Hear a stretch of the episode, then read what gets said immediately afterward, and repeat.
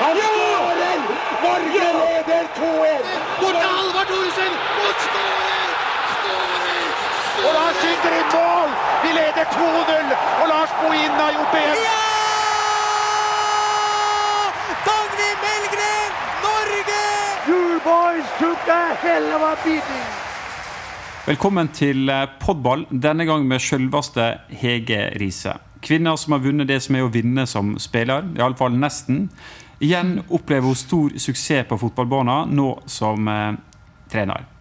Men før vi snakker om eh, dagen i dag, så må vi nesten dvele litt med det hun oppnådde som, eh, som spiller. For Hege er den mest meritterte norske landslagsspilleren gjennom tidene. Kåra til verdens beste fotballspiller i 1995. Verdensmester samme år. Eh, Europamester. Olympisk mester. Og hun har også norsk landslagsrekord uansett kjønn med 188 landskamper. Hun ble norgesmester med Setskog Høland i, eh, som spiller. Og i 2003 ble hun kåra til tidenes beste norske fotballspiller gjennom tidene.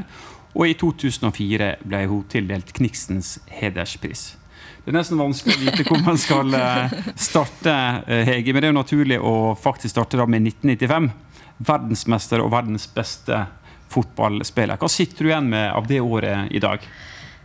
Men utrolig gode minner. Jeg husker jo helt fra starten av det året, så, så la vi jo eh, føringer for hvordan vi skulle vinne et VM. Eh, vi laga eh, strategier på hva vi skulle gjøre når vi ikke var samla. Eh, hva vi måtte jobbe med sjøl, og hva laget skulle jobbe med.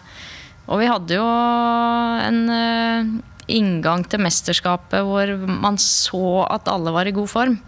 Vi var veldig godt trent. Vi, vi spilte en treningskamp mot uh, et juniorlag i Gvarv som pre-camp.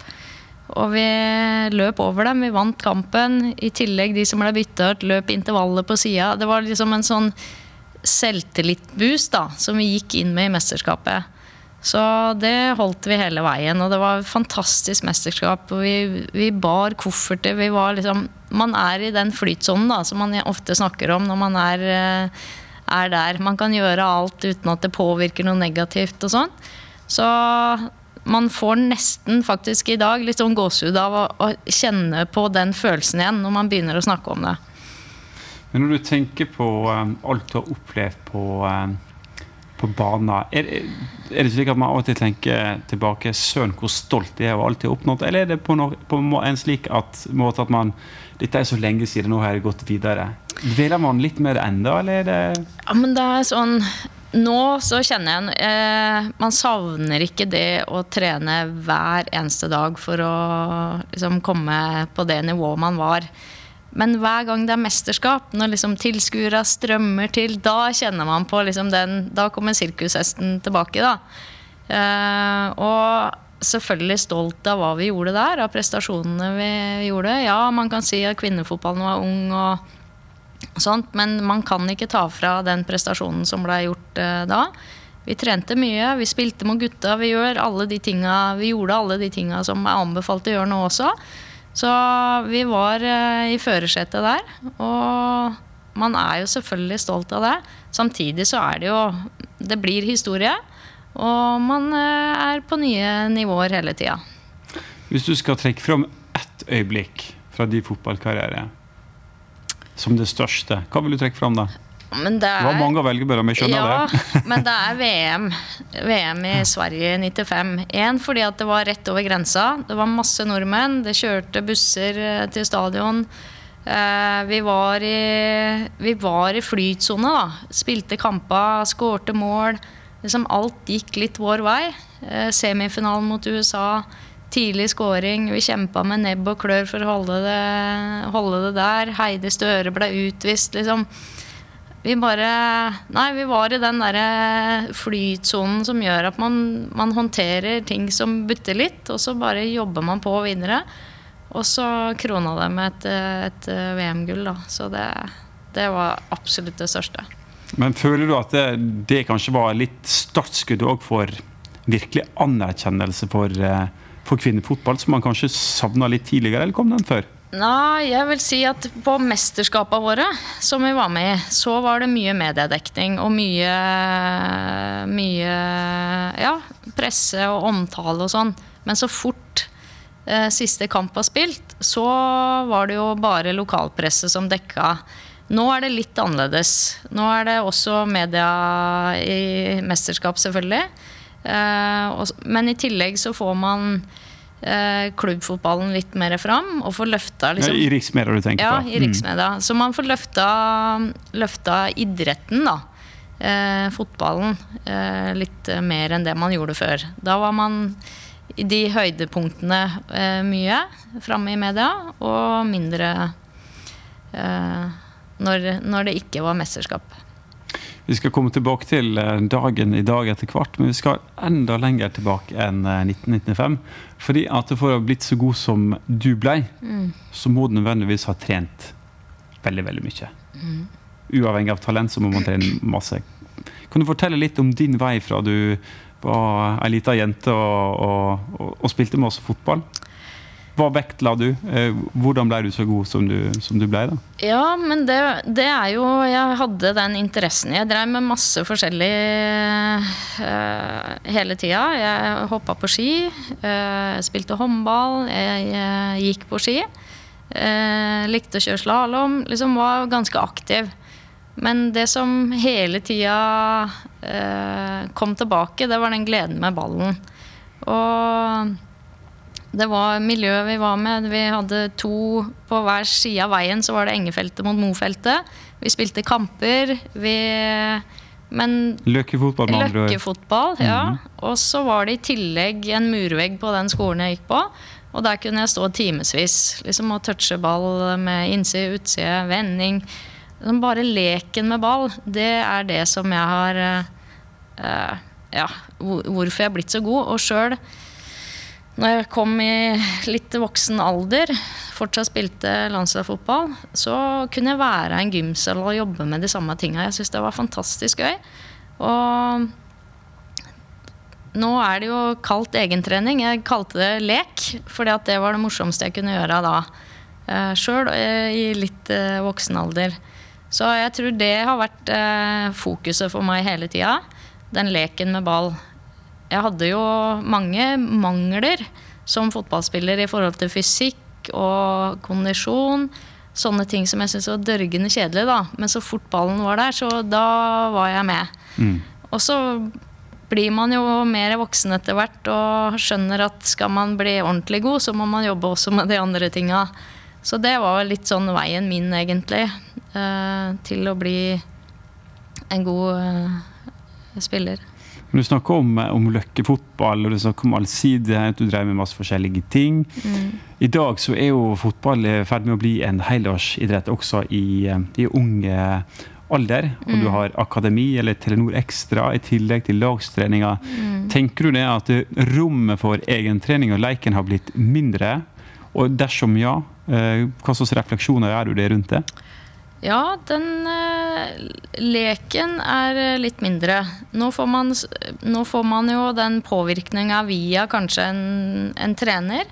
Eh, det som vi i mer grad før lærte oss sjøl. Hvor spretter ballen når den sånn og sånn. At man den timinga i det man gjør, da. Og så fikk jo jeg 1000 repetisjoner på sikkert en time, da. Hvor man, når man er flere, så blir det mindre repetisjoner. Eh, så man med akademier og alt det, jeg tror det er veldig bra for noen. Og så er det noe som man gjerne skulle dratt tilbake til løkka igjen. Den leken med ball, det å lage regler sjøl. Liksom bli enige, og så slipper man ned en ball, og så er alle ivrige, da. Mm. For det, Men- det er nok, vel noe med det å komme og bli trent, Ja. kontra det å finne ut at det har jeg lyst til å bli bedre på. Så Ja. finner du ut hvordan du skal øve på det sjøl. Ja. Altså begrepet denne med eierforhold til, til egen utvikling. Ja. Tenker du at det eh, er litt i press i dag, da? For på en måte? Ja, det tror jeg. Og så er det jo Men eh, med disse akademiskoler og sånt, hvor man Der er jo muligheten for å jobbe litt med individuelle utviklingsmål. da. Satt sammen i en rolle, f.eks. Istedenfor at man slipper ned en ball, og så er det spill på store og små flater. For det er, det er det beste. Jeg tror man også Man må jobbe litt isolert også. Eh, og det er sånn, Jeg er sikkert litt gammeldags der, for jeg ser jo nå at alt skal være spill mot spill og sånn. Men eh, hvis man kan få 1000 touch eh, på en time kontra 200, så er liksom, det er noe imellom der som man, jeg tror man bygger selvtillit av. da. Det å kjenne at man lykkes eh, ni av ti ganger. Men det ene utelukker vel ikke det andre, tenker jeg. Altså, hvis du skal bli bra på overstegsfinter, Mm. Så må du kanskje terpe på den alene. Ja. Og så må du lære deg å ta den ut i spill mot spill. Så det, det er vel ikke enten-eller, men både òg, tenker jeg kanskje. Både og, absolutt, men da, man må også finne rom for det å gjøre den aleine. Sånn at det ikke er 'nå kommer vi hit, og så skal vi gjøre noe, så skal vi gjøre det sånn', da. Eh, men det er jo, det er jo litt eh, veien har blitt fordi at man eh, ønsker å bli god. Man ser at det er, det er mange muligheter nå for å bli proff, og man drømmer om de store tinga. Eh, Så man prøver å finne den veien som kan gi en, eh, en god vei videre. Mm. Eh, jeg tenker litt på eh, den gangen du var ung, altså dagen i, i dag. Mm. Eh, hva tror du var bedre før, og hva tror du er bedre nå?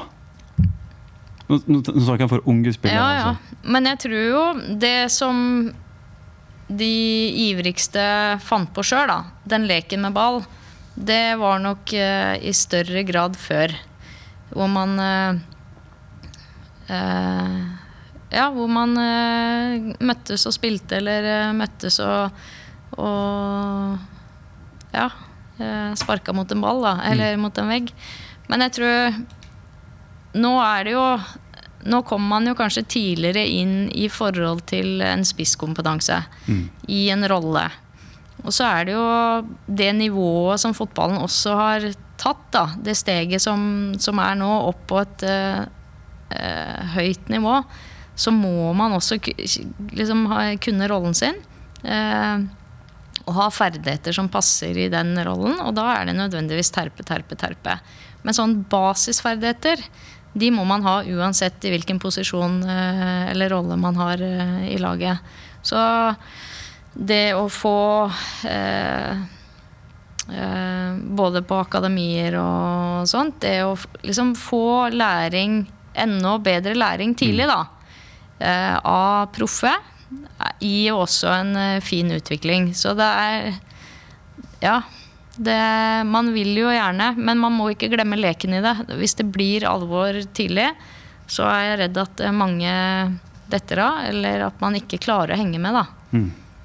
Du snakker om at nivået i dag er bedre. Hvis vi går på, på toppnivå, så er det ikke tvil om at eh, stadig flere store, tunge fotballnasjoner satser tungt på, på kvinnefotball. Og det er Ja. tøffere enn før å henge med internasjonalt. Ja. Og så vet vi at Forbundsstyret de satte jo ned et eh, utvalg, det såkalte Espelund-utvalget, som skulle komme da med forslag til hvordan vi kan ta steg, både i forhold til eh, klubbfotballen, men også i forhold til landslagsfotballen. Et eh, av forslagene, forslagene der går ut på å redusere antall lag i, eh, i toppserien fra tolv til eventuelt ti eller åtte. Og der man spiller mot hverandre da, og så deler du serien i to, der de jeg håper å si, de beste lagene møter hverandre og spiller om medalje. Mm. Og de eh, dårligste spiller mot hverandre og da jobber for å unngå nedrykk. Hva tenker du om det forslaget der? Jeg tenker at det er eh, en måte å høye alders, eh, alderen på, på toppserien. Hvorfor er det viktig? Fordi at eh, nå er det jo Hvis man Vi snakker jo litt om i LSK, da. Eller jeg snakker om den mesterlæra som de unge har fått. Det med Isabel Bakur, eh, 30 pluss i alder. Så kommer Syrstad Engen inn. Rett i læring eh, med en mester. Det, hvis man blir bare 18-åringer, så får man ikke vite hvor toppnivået er. Eh, og hvis da, når alderstrinnet er eh, lavt, så, så veit man ikke hvilket nivå man skal opp på. Eh, og det å klare å ha flere eh, som eh, står i fotballen lenger for å heve nivået, eh, alder, aldersmessig, gir også en større kvalitet eh, på sikt. Og det er kanskje litt eh, gøyere også å stå i fotballen litt lenger hvis man har en konkurransesituasjon som er enda litt skarpere enn det som er nå. Eh, så jeg tenker at det er eh, lurt å kutte. Og vi så jo etter 2017 Unnskyld, men, men Ja. tenker du at det å kutte lag nærmest er litt avgjørende for at vi på sikt skal kunne heve oss i e-cup og med landslaget? Går det an å tolke det i den retning, eller er det å dra det for langt? Nei, men det er jo Nei, jeg tror at det er eh, et must for oss. Um, og i 2017 så Jeg tror jeg telte at det slutt Eller i 2016, da. Etter sesongen 2016. eh, da telte jeg at det slutta av de litt eldre, etablerte, eh, 35 spillere. Nesten 40 spillere. Det er egentlig to lag. Og hvem er det som erstatter de eh, når det er dårlig økonomi? Og da er det unge spillere som kommer opp, kanskje litt for tidlig, og får en, et møte med, med toppen som er eh, litt brutal. eh, Men samtidig veldig lærerikt. Da. Det er jo ikke det at man ikke lærer av det. Men jeg tror hvis man eh, går stega litt bedre, så er man bedre skodd når man kommer opp på toppnivå til å håndtere spilletid, til å håndtere, håndtere liksom tempo, den seriøsiteten som skal være på toppnivå. Det å legge til side for å prioritere at dette er eh, nummer én, i tillegg til noe skole og noe jobb, da. For å få endene til å møtes, selvfølgelig. Mm. Eh, Ser du noen eh, motargumenter? Det er iallfall slik at noen vil påstå at når du reduserer antall lag, så kan du oppleve at du får regioner eller landsdeler til og med, som ikke vil være representert på øverste nivå, og at det vil da svekke utviklingsmulighetene til talent fra nettopp den delen av landet. Ser du den problemstillinga? Ja, det gjør jeg. Men da tenker jeg at eh, sånn som eh, Tromsø, da. Eh, er det ikke mulig for dem å tenke at her skal vi skape kvinnelag? Og da, de favner jo, de har utdanning, de har eh, muligheter eh, der. Som Fløya har jo vært oppe i toppserien lenge. Er det ikke mulig å få til samarbeid sånn at dem kan bli kraftsenter i nord, f.eks.? Nå, nå, det er jo Så det du egentlig tar til orde for, at det er flere gjør som type Lillestrøm, som satser på toppfotball både på herre- og kvinnesida. Ja, nå er jo vi to forskjellige klubber, så vi er jo ikke i Vi er eh, samme logo, men vi er, vi er jo forskjellige klubber. Nå er det jo sånn at styrene jobber for å, å forene oss eh, Men fall til én klubb. så blir det Men utad, merkevara er jo Ja. der uansett. Samme med Stabæk eh, der. Og så Jeg tenker at det må være mulig å få til noe mer enn det man gjør. Man må jo være villig til å tenke nytt også, og det gjør man jo nå med å i hvert fall tenke på å redusere antall lag, og se om det får gjennomslag, da. Eh, Vi skal bare litt tilbake til eh, Det blir litt hopping her, men Ja. litt tilbake til, eh, til spillerkarrieren din. Mm. Eh, For det er én ting jeg må ta med deg. Altså, det gir jo ikke mening å snakke om hull i din CV. Eh, Men, men eh, Jeg veit hva som kommer nå. du mangler én ting, da. Seriemesterskap i Ja. Norge. Hvor irriterende er det? Nei, det er jo Ja, nei, det er jo litt irriterende. Jeg gikk jo fra, fra Setsko Høland, og da lå vi jo sånn liksom fire-fem eh, femteplass hvert år. Og tenkte at det Vi hadde jo lyst til å komme nærmere, men vi var aldri så gode til å ta det steget. Eh, og så meldte jeg overgang til Asker og tenkte at eh, her skal jeg være med og bidra. Eh, da ble det seriesølv eh, der også. Det hadde jeg jo fra før. Så noe nærmere kom jeg ikke i Norge, nei. Men, men du har fått på deg det meste annet, da. Det må jo vel det må sies. Men det er tid for alt. Mm. Spillerkarriere de vil alltid ta slutt på et tidspunkt. Og så ble du tilbudt roller som assistenttrener for USA sitt eh, kvinnelandslag i 2009, og ble det vel til 2011, om jeg ikke tar feil. Mange vil jo regne USA som den beste nasjonen på, på kvinnesida. Hva lærte du der borte, og hva er det som har hatt overføringsverdi til norsk fotball, som du har tatt med deg hjem? Eh, ganske mye. Eh, jeg var jo fersk som trener. Jeg starta jo egentlig med Team Strømmen i 2007, når jeg ga meg. Så 07 og 08 så var jeg hovedtrener. Det var min erfaring eh, som hovedtrener. Og høsten eh, rett før jul eh, 2008 så ringer Pia Sundhage. Sier Hegge, vil du være med å trene USA de neste åra? Veldig merittert trener for deg som ikke Ja. kjenner til det. Det må Ja. nevnes. Mm. Eh, så det var jo nesten sånn at er du sikker på at du ringte riktig?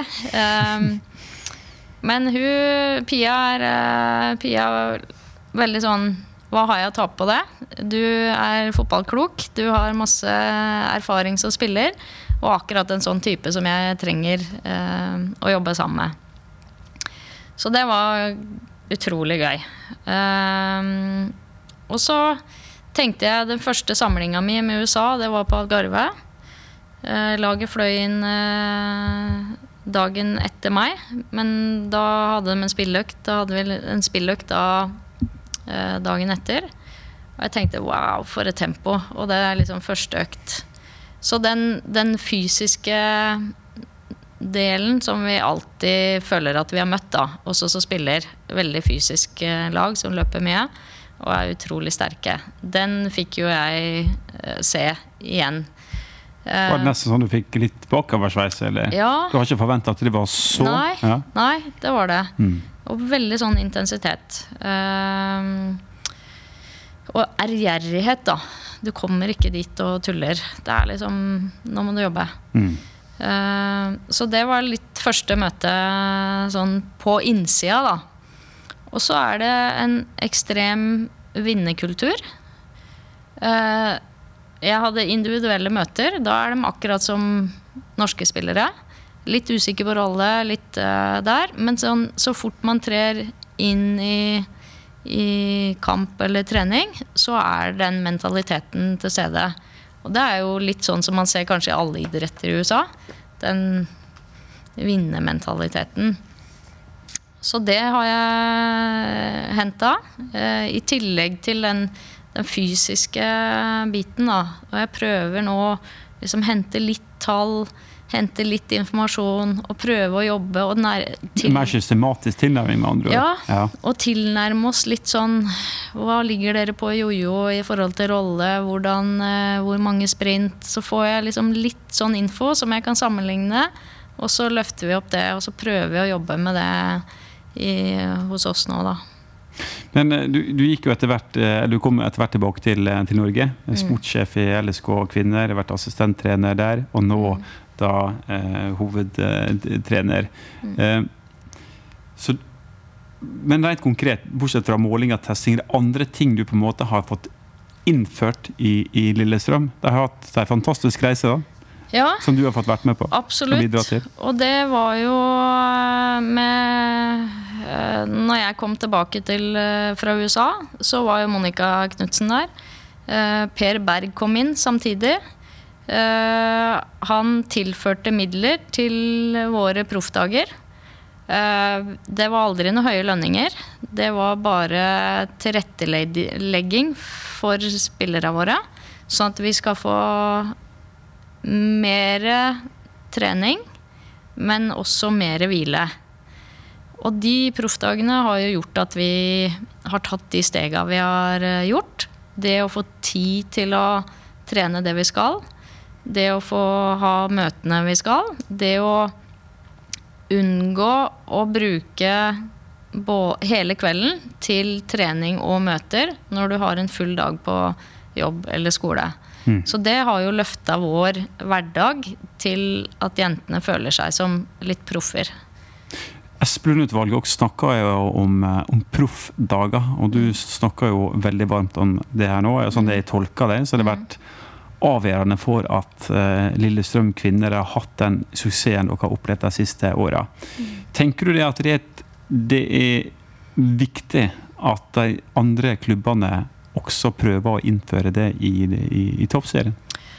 Absolutt. Og nå er det jo midler som man søker, som man får eh, i forhold til å ha proffdager. Og det var jo Så vi la jo ganske harde føringer for spillere. Skal du være her, så er du nødt til å prioritere det og det.